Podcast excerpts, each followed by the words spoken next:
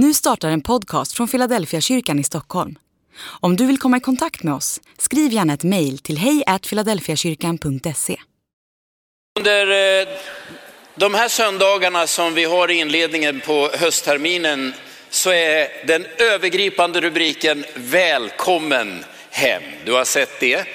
Eh, vi har tänkt när vi har förberett predikningarna att vi plockar några av de värderingar som vi använder i våran ledarutbildning. Nu är det väl maskerat bakom våra teman och hur vi lägger upp det, men det är det vi har haft i bakhuvudet om du funderar på hur sitter det ihop.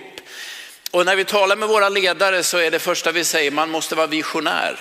Man behöver vara relationell, man behöver vara äkta och det är äkthet jag ska tala om idag, sanning. Och så behöver man ju leva i relation till Gud. Allt det där ingår liksom i en tallriksmodell för ledarskap. Rubriken nu idag är, ska man alltid säga sanningen? Två svar har jag. Ja och nej. Jag ska förklara det, men ha det i bakhuvudet nu. Det här med sanning tål att fundera på.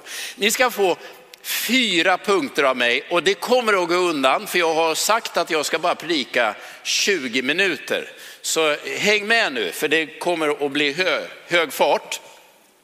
Jag ska ge er ett bibelord och det finns i flera varianter, dyker ofta upp i breven i Nya Testamentet.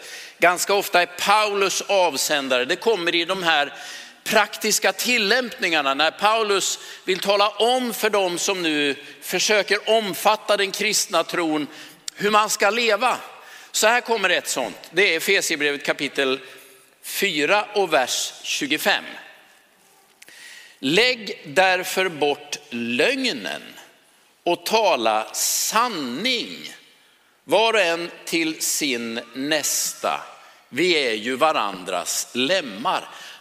Tala sanning.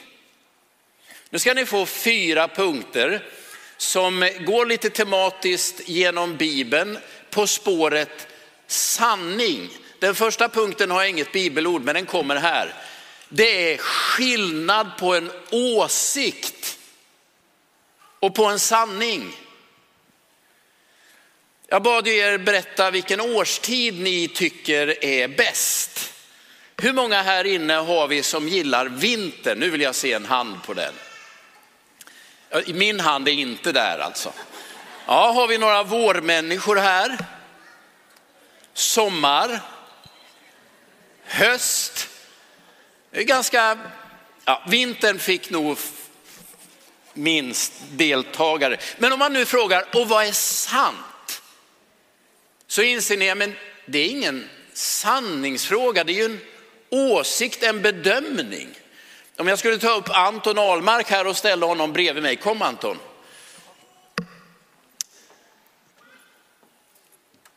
Vem är snyggast? Du kan gå ner igen. Nej men ni inser, det blir ingen omröstning, men ni inser det där, det där är kanske inte något man kan påstå är sant. Man kan tycka olika. Lyssna nu, när min fru emellanåt frågar, ska jag ha den här klänningen eller den här? Ni vet, det är en fälla för alla äkta män. Då säger jag, bra tips, allt klär en skönhet. Men sen gäller det att luta sig inåt och ana åt vilket håll är hon idag eh, mest lämpad att gå och så förstärker man det. Men jag inser det är inte frågan om sant eller falskt. Det är en åsikt. Det jag inser också är att väldigt ofta är det vi bråkar mest om inte sanning eller lögn, utan åsikter. Tänk dig för nästa gång ni går igång där hemma eller på arbetsplatsen eller för all del i en församling. Talar vi om sånt som är sant och sånt som är lögn? Eller är det det att vi har olika åsikter? Och hur mycket kraft ska jag lägga i tanken att just min åsikt ska vinna? Alltså första iakttagelsen är vad är sanning och vad är lögn och vad är faktiskt bara en åsikt. Kom ihåg det. Min andra punkt, Matteus kapitel 5, förlåt, Matteus kapitel 6 och vers 5. Bli inte en hycklare, det är mitt råd. När ni ber ska ni inte göra som hycklarna. De älskar att stå och be i synagogorna och i gathörnen för att människorna ska se dem. Sannerligen, de har redan fått ut sin lön. Om det första handlar om en insikt att förstå skillnad mellan sanning och lögn så kommer nu min andra punkt som man nog mer ska förklara som ett råd. Se upp för hyckleri. Nu kommer en kort grekiska lektion. Ordet för hycklare på grekiska, det är ju negativt laddat. Är vi överens om det? Att kallas för hycklare är ju ingenting man sätter på sitt visitkort. Det är ju nedsättande. Det grekiska ordet för hycklare, det är hypokrites. Och det är exakt samma ord som används för en skådespelare. Och ni som ibland ser teaterannonser, ni kan ju se att det kan vara två masker, en glad mask och en, lätt, en ledsen mask. Det kommer från den antika teatern då samma skådespelare kunde ha flera roller och man bytte roll genom att bara sätta en mask framför ansiktet. Och det Jesus säger det är, se upp så att du inte blir en skådespelare, att du bara har en mask framför ansiktet. Det är det här som Paulus antyder för er som har några bibelreferenser när han talar om människor som bär fromheten som en mask, men inte vill veta av dess kraft. Lyssna nu, vad, vad är typiskt för en skådespelare? Ja, men det är att man aldrig är sig själv. Jag uppträder som någon annan. Jag har ju flera roller utan att jag är skådespelare. Jag har en roll som pappa, jag har en roll som man, jag har en roll som föreståndare. Jag går in i en roll när en människa behöver ett själavårdssamtal. Alltså alla vi måste växla mellan lite olika roller, men poängen är att varje roll måste sitta ihop med mitt inre. Med de värderingar jag har, de övertygelser jag har och, och de personliga liksom fundamenta som är jag. Men det som händer ibland är att människor lyckas koppla bort den inre verkligheten från den yttre gestaltandet. Jag blir en hycklare, det är bara en mask. Varför gör man så? Ja, när jag läser det Jesus säger så inser jag det är en sak han pekar på, det är publiken. Alltså hycklarna gör det för människornas skull. Jag går in i en roll som inte är jag därför att jag tänker att andra förväntar sig detta av mig. Jag uppträder på ett arbete och känner mig helt obekväm och främmande, men jag tänker att de andra begär detta. Min andra punkt är ju en, ett, ett tydligt råd. Akta dig för hyckleri. Roller har vi, olika roller går vi in i, men de måste alltid sitta ihop med den som är du. Det som är ditt hjärta. När Jesus fortsätter att tala på, på spåret hyckleri så säger han Gå in i din kammare och stäng dörren och be till Gud som ser i det fördolda. Det är som att Jesus säger att boten mot den här, den här dragningen att hamna i hyckleri och skådespeleri, det är att ha en levande gudsrelation. Jag återkommer till det sen. Nu kommer min, fjär, min tredje punkt. Och det här är ju ett, eh, om det första är en insikt skillnaden mellan en åsikt och sanning. Det andra är ett råd, bli ingen hycklare. Så närmar vi oss nu det hotfulla. Johannes kapitel 8 och vers 44. Håll i er nu. Ni har djävulen till far och ni vill göra vad er far önskar. Han har varit en mördare från första början och han står utanför sanningen. Därför att någon sanning finns inte i honom. När han ljuger talar han med egna ord, ty han är en lögnare och lögnens fader. Det är nog det här Paulus har i bakhuvudet när han säger lägg bort lögnen och tala sanning till varandra. Vad är lögn? Jo, lögn är ju att medvetet förändra omständigheter eller förutsättningar i syfte att leda andra på fel väg. Jag vet när jag ljuger. Då manipulerar jag verkligheten och skälet till att jag gör det är att jag önskar att du eller ni ska dra helt felaktiga slutsatser eller agera på ett sätt som inte stämmer. Om hycklaren, ni vet, han som spelar en roll gör det för att jag tror att alla andra förväntar det, så är lögnaren den som försöker att få alla andra att göra det jag önskar genom att förändra verkligheten. Här finns det jag uppfattar Bibelns stora varningstriangel. Hyckleri det är problematiskt. Det är ohälsosamt, du mår ju själv dåligt av det. Lögn kommer från helvetet och är djävulens verk. Och det går inte att säga det så mycket trivsammare än så. Och när Jesus säger ni har djävulen till er far, så skulle jag säga, det gällde ju i det här sammanhanget en del fariser. Det där är lika sant idag. Du som vet att du emellanåt använder lögn, du förvänder verkligheten i syfte att förleda andra människor. Här finns en oerhört tydlig varning. Det där är en farlig väg att gå. Måste man alltid säga allt man vet? Nej, det måste man faktiskt inte. Och för oss som är pastorer så är det en verklighet. Vi bär ju tystnadsplikt, tystnadsrätt, vilket innebär att vi vet en massa saker om andra människor som är sanna, som vi aldrig kommer att yppa, inte ens för våra närmaste.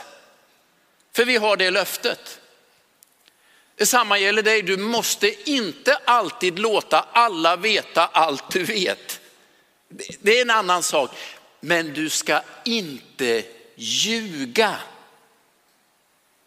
Lögnen, att medvetet förvrida verkligheten i syfte att leda andra människor på fel spår, det är så ohälsosamt någonting kan bli för en människa. Om hycklaren gör det därför att man tror att andra människor begär något av er så är lögnaren den som snarast försöker styra andra människor.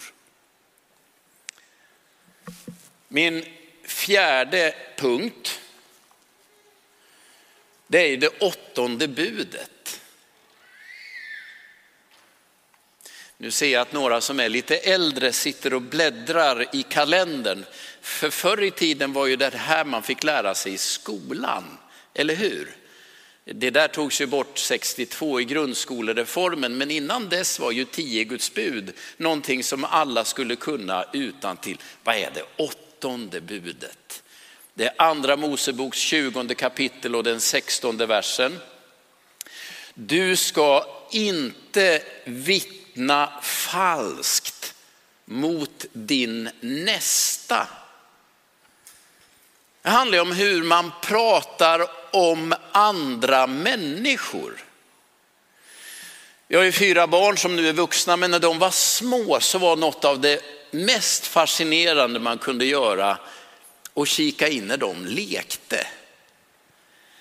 Eh, det kunde handla om bilar eller dockor eller olika saker, men det var ju olika typer av plastföremål som barnen i sin lek började tillskriva olika egenskaper och namn och, och vad de jobbade med och hur de kände. Visst är det fascinerande? Det kan ju till och med vara pinnar och kottar som plötsligt blir levande varelser. Det här är ju barnens lek och det är fascinerande att titta på och lyssna på. Så kan man tänka, men så gör ju inte vi. Men det finns någonting av den där leken som fortfarande följer med mig. När jag kommer hem ikväll, då kommer min eh, fru Helena och fråga, eh, vem åt du lunch med? Och då kommer jag att berätta att det gjorde jag med Andreas Frankner och Jackson Kalusi som är gäst här idag från Tanzania. Och då kommer hon fråga, och vad åt ni? Och vad sa ni? I bästa fall kommer jag ihåg vad vi har sagt. Men i regel kommer jag mest bara ihåg att vi åt. Och så sitter man där och trevar. Ja, vi sa någonting viktigt, det tror jag. Men det som händer är att jag börjar prata fram. Andreas och Jackson Kalusi inför min fru. Och Jackson ska åka vidare till Linköping. Vem är han? Han kommer från Tanzania. När träffade du honom första gången? Hur är han? Och så berättar jag det. Är ni bekanta med det här fenomenet? Vi vittnar om andra människor i deras frånvaro. Det där gör vi ibland också när vi möts som vänner. Har du hört vad som har hänt med honom?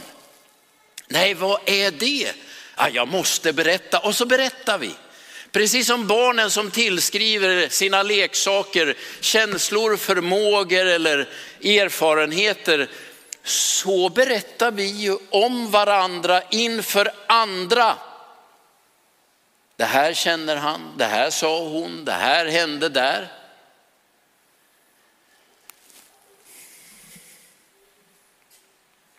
finns ju en tydlig varning i de här budorden. När du talar om andra människor, berättar om vad de känner och tänker, vad de har sagt och varför. Vittna inte falskt om andra människor. När jag själv funderar på varför, varför hamnar man i det läget så inser jag att det finns en förströelsefaktor. Det är lite kittlande att berätta om andra människor och vad de har sagt. Det finns en hel industri som sysslar med att delge oss vad andra människor har gjort i sina äktenskap eller vid sidan av dem eller på fester och varför de har gjort det. Det är någonting osunt i allt detta som jag inser att jag bär med mig också. Nu säger Bibeln tydligt, jag upprepar igen. Lägg därför bort lögnen, lägg bort den. Och tala sanning var och en till sin nästa. Det handlar ju om att vara sann med vem jag är. Jag kan inte bara upprätthålla en mask därför att jag tänker att andra förväntar sig. Det måste sitta ihop. Jag kan inte använda lögnen för att styra andra. Det är ju en, en, det är en port rakt in i det onda. Jag behöver inse vad som är mina egna åsikter. Och bara en åsikt och kanske inte vara lika hård på det. Och jag ska vara rädd om hur jag talar om andra människor i deras frånvaro. Du ska inte bära falskt vittnesbörd. Det sista bibelordet jag vill ge dig och det är egentligen en sorts avslutning. Det är Johannes kapitel 14 och vers 6. Där säger Jesus, jag är vägen, sanningen och livet. Ingen kommer till Fadern utom genom mig. Jag vet inte vad det är du brottas. Om det är det att du tror att dina åsikter är sanningen, då skulle jag ju rekommendera en kurs i ödmjukhet, för det är oftast där det brister. Eller om det är skådespeleriet, du byter masker men är, upplever dig falsk allt igenom. Då skulle jag rekommendera dig att gå in i din kammare och be att Jesus möter dig. Om det är lögnen och du vet att du har lätt att fara med osanning, då skulle jag kalla dig till omvändelse. Det där behöver du nåd över, det där kan Jesus hjälpa dig med. Om det är det att du pratar illa om andra människor, du vet när det börjar, det smakar illa i munnen efter ett tag, då är det ju kärlek till andra människor du behöver. Oavsett var du brottas. Om det är bristen på ödmjukhet, om det är rädsla för alla andra, om det är ett försök att manipulera alla andra, eller om det är så att jag mår bättre när andra framstår sämre än mig och då vittnar jag gärna falskt. Spelar ingen roll, så är nog boten för oss alla en och densamma. När du kommer till Jesus om och om igen, när du går till honom så säger han, jag är vägen, jag är sanningen och jag är livet. Alltså vad, hur talar jag sant? Hur vårdar jag livet? Hur hittar jag den rätta vägen? Så blir svaret på det, det gör du hos Jesus. Vad du än kämpar med, var din svaghet än finns, så blir ju min rekommendation, se till att du öppnar ditt hjärta för Jesus. Helst varje dag. Se till att han blir vägen du väljer. Han är livet du söker. Han är sanningen du bejakar. Ska vi be en bön tillsammans? Herre, jag vill be dig att du låter din nåd komma över våra liv, för det behöver vi allihopa. Och jag ber en särskild bön för den som sitter med en mask för ansiktet. Du vet varför. Du vet också den känsla av ihålighet som följer. Du vet om den som lite för lätt slirar in i lögner. Du vet den som allt för ofta strider för det som är en egen åsikt, men varken sant eller falskt utan just bara en åsikt. Och du vet den eller de som lite för lätt talar nedsättande om andra människor som inte finns i deras närhet. Vi ser att ditt ord så tydligt pekar i en annan riktning. Och nu ber vi dig att det där som skriften säger, att vi kunde lägga bort lögnen och tala sanning och se varandra som varandras lemmar, som en enda kropp och som en enda gemenskap. Vi ber att det där skulle sjunka in i vår tanke, i vår känsla och i våra ord.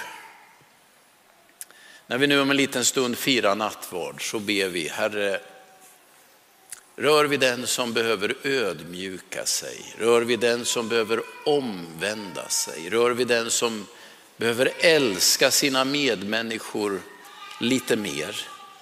Och rör vi den som har trampat in på en farlig väg där lögnen är lite för mycket närvarande.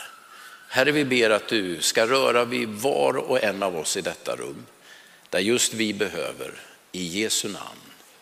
Amen.